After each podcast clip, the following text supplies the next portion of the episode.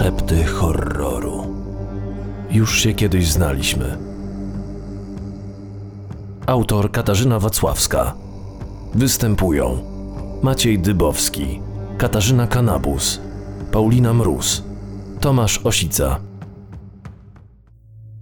Wychowałem się w rodzinnym domu dziecka. Moi rodzice zginęli w wypadku samochodowym, kiedy miałem niespełna pół roku. Kilka miesięcy później przygarnęli mnie państwo Brown. Razem ze mną w ogromnym starym domu na przedmieściach mieszkało jeszcze pięcioro dzieci. Jane była moją rówieśniczką. Razem z Emily zajmowały pokój na poddaszu, znajdujący się dokładnie nad pomieszczeniem, które dzieliłem z Henrym. Lata spędzone w domu Brownów wspominam naprawdę dobrze. Niczego nam nie brakowało. Pewnego letniego wieczoru trzyletnia wówczas Jane bezceremonialnie wyznała naszej przybranej matce. Wiem, że nie jesteś moją prawdziwą mamą. Nie muszę się ciebie słuchać.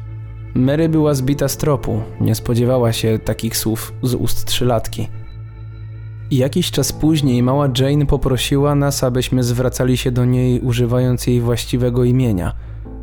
Ojca zamurowało, gdy dziewczynka wypaliła. Nie jestem żadną Jane. Mam na imię Cornelia. Nasi przybrani rodzice stwierdzili, że najwyraźniej zasłyszane gdzieś imię przypadło jej do gustu i zgodzili się nazywać dziewczynkę Kornelią. Sprawy zaczęły się komplikować po którymś z wypadów do miasta. Wracaliśmy z festynu czy czegoś w tym rodzaju. Wiecie, wesołe miasteczko, loterie z misiami, wata cukrowa i tego typu atrakcje. Późnym popołudniem wybraliśmy się na spacer po nadmorskiej dzielnicy, w której ani Jane, ani ja nigdy wcześniej nie byliśmy – Mała rozglądała się uważnie. W pewnym momencie zatrzymała się przed jednym z domów z widokiem na morze. Czekajcie! Wykrzyknęła. To, to tu! Tu był mój dom! Wskazała na domostwo z zaniedbaną posesją. Kornelia, dziecko, o czym ty mówisz? Mary osłupiała. Pozwól mi tam pójść! Nie możesz tak po prostu wejść do czyjegoś domu. Co ci w ogóle przyszło do głowy? Mam dość! Krzyknęła Kornelia.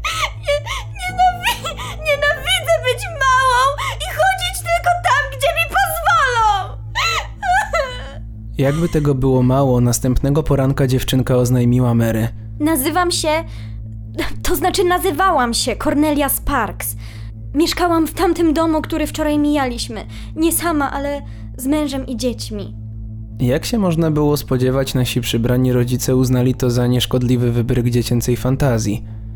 Kiedy jednak opowieści Kornelii nie ustały, a przeciwnie zaczęły nabierać wyraźniejszych kształtów, zdecydowali się wezwać lekarza. Ten stwierdził, że nie ma się czym przejmować, małej w końcu przejdzie. Oczywiście nie przeszło. Mary z niepokojem wysłuchiwała wspomnień Korneli o rzekomym przeszłym życiu. Daniela zabrało morze. Wyznała przybranej matce, mówiąc o mężu, z którym w poprzednim wcieleniu miała trójkę dzieci. On miał być marynarzem, ona nauczycielką. Jeszcze tego samego wieczoru Mary namówiła męża, aby wspólnie sprawdzili, czy w miasteczku nieopodal kiedyś mieszkali marynarz nazwiskiem Daniel Sparks wraz z żoną Cornelią. W książce telefonicznej znalazła numer właściciela domu, o którym bez przerwy mówiła Cornelia. Słyszałem urywki ich rozmowy. Tak, słucham? Dzień dobry. Dzień dobry. Przepraszam, że pana niepokoję o tak późnej porze. Nie ma problemu. Dzwonię w dość nietypowej sprawie. Razem z mężem prowadzimy rodzinny dom dziecka. Mamy przybraną córkę, która twierdzi, proszę mi wybaczyć ten absurd, że dawno temu mieszkała w pańskim domu. Jak dawno temu? Dokładnie nie pamięta. Mhm. Kilkadziesiąt lat temu zapewne. No, wie pani co, ja kupiłem ten dom 10 lat temu od Barbary Bell. Y, Z tego co pamiętam, nie było jej to panieńskie nazwisko. Jeśli sobie pani życzy, mogę to sprawdzić w dokumentach. Byłabym wdzięczna. To proszę chwileczkę zaczekać. Albo, wie pani co, odzwonię do pani. Proszę mi podać numer. Mary w oczekiwaniu na telefon od mężczyzny niespokojnym krokiem przemierzała pokój gościnny. Dobry wieczór. Odzwaniam w sprawie poprzedniej właścicielki domu. E, Zgodnie z dokumentami jej pańskie nazwisko to Sparks. Mary ciężko opadła na kanapę. Widziałem, że z trudem łapie oddech. Bardzo, bardzo panu dziękuję. Mimo późnej pory Mary niezwłocznie wykonała telefon do Barbary Bell z domu Sparks. Kiedy pokrótce przedstawiła kobiecie sytuację, w słuchawce telefonu długo wybrzmiewała głucha cisza. Dopiero po pewnym czasie Barbara oznajmiła: Cornelia Sparks była moją matką. Nie żyje od 12 lat. Po jej śmierci sprzedałam nasz dom przy plaży. Wszystko się zgadza. Mój ojciec zginął na morzu, kiedy byłam małą dziewczynką. Kilka dni później doszło do spotkania Corneli ze starszą panią.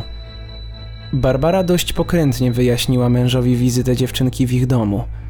Nie mogła znaleźć odpowiednich słów, by wyjaśnić mu, że dziecko w poprzednim wcieleniu było jej matką. Dla Stanleya Bella życie było proste. Jest i nie ma. Cornelia Sparks leży na cmentarzu i to na tyle. Barbara natomiast była skłonna uwierzyć dziewczynce, o ile ta będzie umiała potwierdzić, że już się znały. I już przy wejściu dziewczynka stanęła jak wryta. Uważnie wpatrywała się w pierścionek z brylantem połyskujący na palcu Barbary. Miałam taki. To był mój pierścionek. Oddałam go najmłodszej córce. Kobiety wymieniły porozumiewawcze spojrzenia. Nazywam się Barbara Bell z domu Sparks. Wierzę ci, Cornelio. Wygląda na to, że byłaś moją matką. Cornelia od razu rzuciła się w otwarte objęcia Barbary. Po dwunastu latach znów dane było im się spotkać. Mary ze zdumieniem przysłuchiwała się ich rozmowie. Czuła się w tym wszystkim jak intrus, który nieproszony wtargnął do czyjegoś gniazda. Wzięła mnie pod ramię i zapowiedziała, że wróci po Cornelię za kilka godzin. Kiedy po południu pojawiliśmy się pod domem państwa Bell, aby odebrać małą, na spotkanie nam ruszył jedynie dość mocno poruszony pan Stanley. Nie ma ich. Szukałem wszędzie, znalazłem tylko to. Podchodząc bliżej, podał Mary mały, wygnieciony skrawek papieru, na którym napisane było: Przepraszam cię, Stan B. Musimy zawiadomić policję. Oznajmiła Mary. Chociaż w krótkim czasie Cornelia odnalazła się cała i zdrowa, nasi rodzice zastępczy sprowadzili na siebie kłopoty. Ku naszej rozpaczy miasto odebrało Brownom uprawnienia do sprawowania opieki nad naszą szóstką. Zostaliśmy rozrzuceni po innych rodzinach zastępczych. Barbara Bell po spotkaniu z małą Cornelią zaczęła dziwnie się zachowywać. Oskarżono ją o uprowadzenie dziewczynki, co jej zdaniem było totalnym absurdem.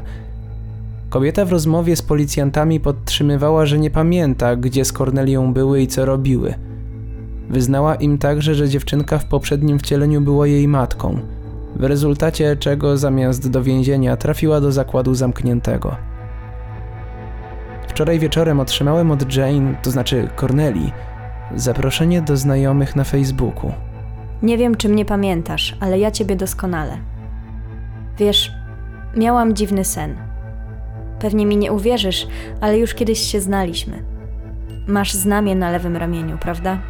Dopiero niedawno uzmysłowiłem sobie, jak bardzo nienawidzę morza. Kiedy tylko zamykałem oczy, śniłem o sobie, próbującym wydostać się z lodowatej głębi, lecz za każdym razem moje wysiłki były namarne. W ten właśnie sposób zginąłem ponad pół wieku temu. Wiem, do czego zmierzasz, Cornelio, ale myślę, że już przeżyliśmy to, co było nam dane. Odpisałem. Nie chciałem przeżywać kolejnego życia jako Daniel Sparks. Sądziłem, że to zakończy naszą wymianę zdań, ale po chwili na ekranie pojawiła się kolejna wiadomość od Jane. Po tym, co dla nas zrobiłam, tak po prostu rezygnujesz. Co zrobiłaś? W ułamku sekundy wystukałem odpowiedź. Henry i Emily. Dwa imiona pojawiły się na ekranie, po czym wiadomość znikła. Henry i Emily. Nasze rodzeństwo z domu Brownów. Szybko musiałem dowiedzieć się, co wspólnego mają z naszą historią. Od razu skontaktowałem się z Mary Brown. Hej, czy wiesz co u Henry'ego? To ty o niczym nie wiesz? On i Emily zginęli krótko po opuszczeniu naszego domu. Najpierw on, potem ona. Wczoraj z ich adopcyjnymi rodzicami kontaktowała się policja. W okolicach Wydm znaleziono ich szczątki. Ze wstępnych ustaleń policji wynika, że zginęli w okrutny sposób. Prawdopodobnie było to coś w rodzaju rytualnego mordu. Wygląda na to, że zostali porwani przez jakąś sektę i, i złożeni w ofierze. Zamarłem. Nie byłem w stanie wydobyć z siebie słowa. Rozłączyłem się i ponownie zasiadłem przed ekran laptopa. To ty ich zabiłaś? Napisałem. Po chwili zawibrował leżący obok mnie telefon. Numer nieznany. Halo? Wszystko ma swoją cenę, Dan.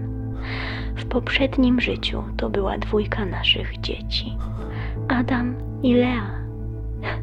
Nie pamiętasz? Teraz, dzięki Emily i Henrymu, kupiłam nam kolejne życie. Powinieneś mi dziękować.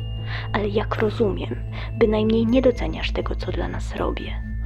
Jeśli sprowadzisz podejrzenia policji na mnie, twoje dzieci skończą tak samo. Zastanów się dobrze. Zanim zdążyłem zareagować, rozłączyła się. Na ramieniu poczułem dotyk małej, ciepłej dłoni. Moja córka Bella często skradała się do mnie na palcach, kiedy pracowałem przy komputerze. Biorąc ją w ramiona, przysiągłem sobie, że będę milczeć. Zasubskrybuj szepty horroru, aby nie przegapić żadnej strasznej historii. Czytał Tomasz Osica.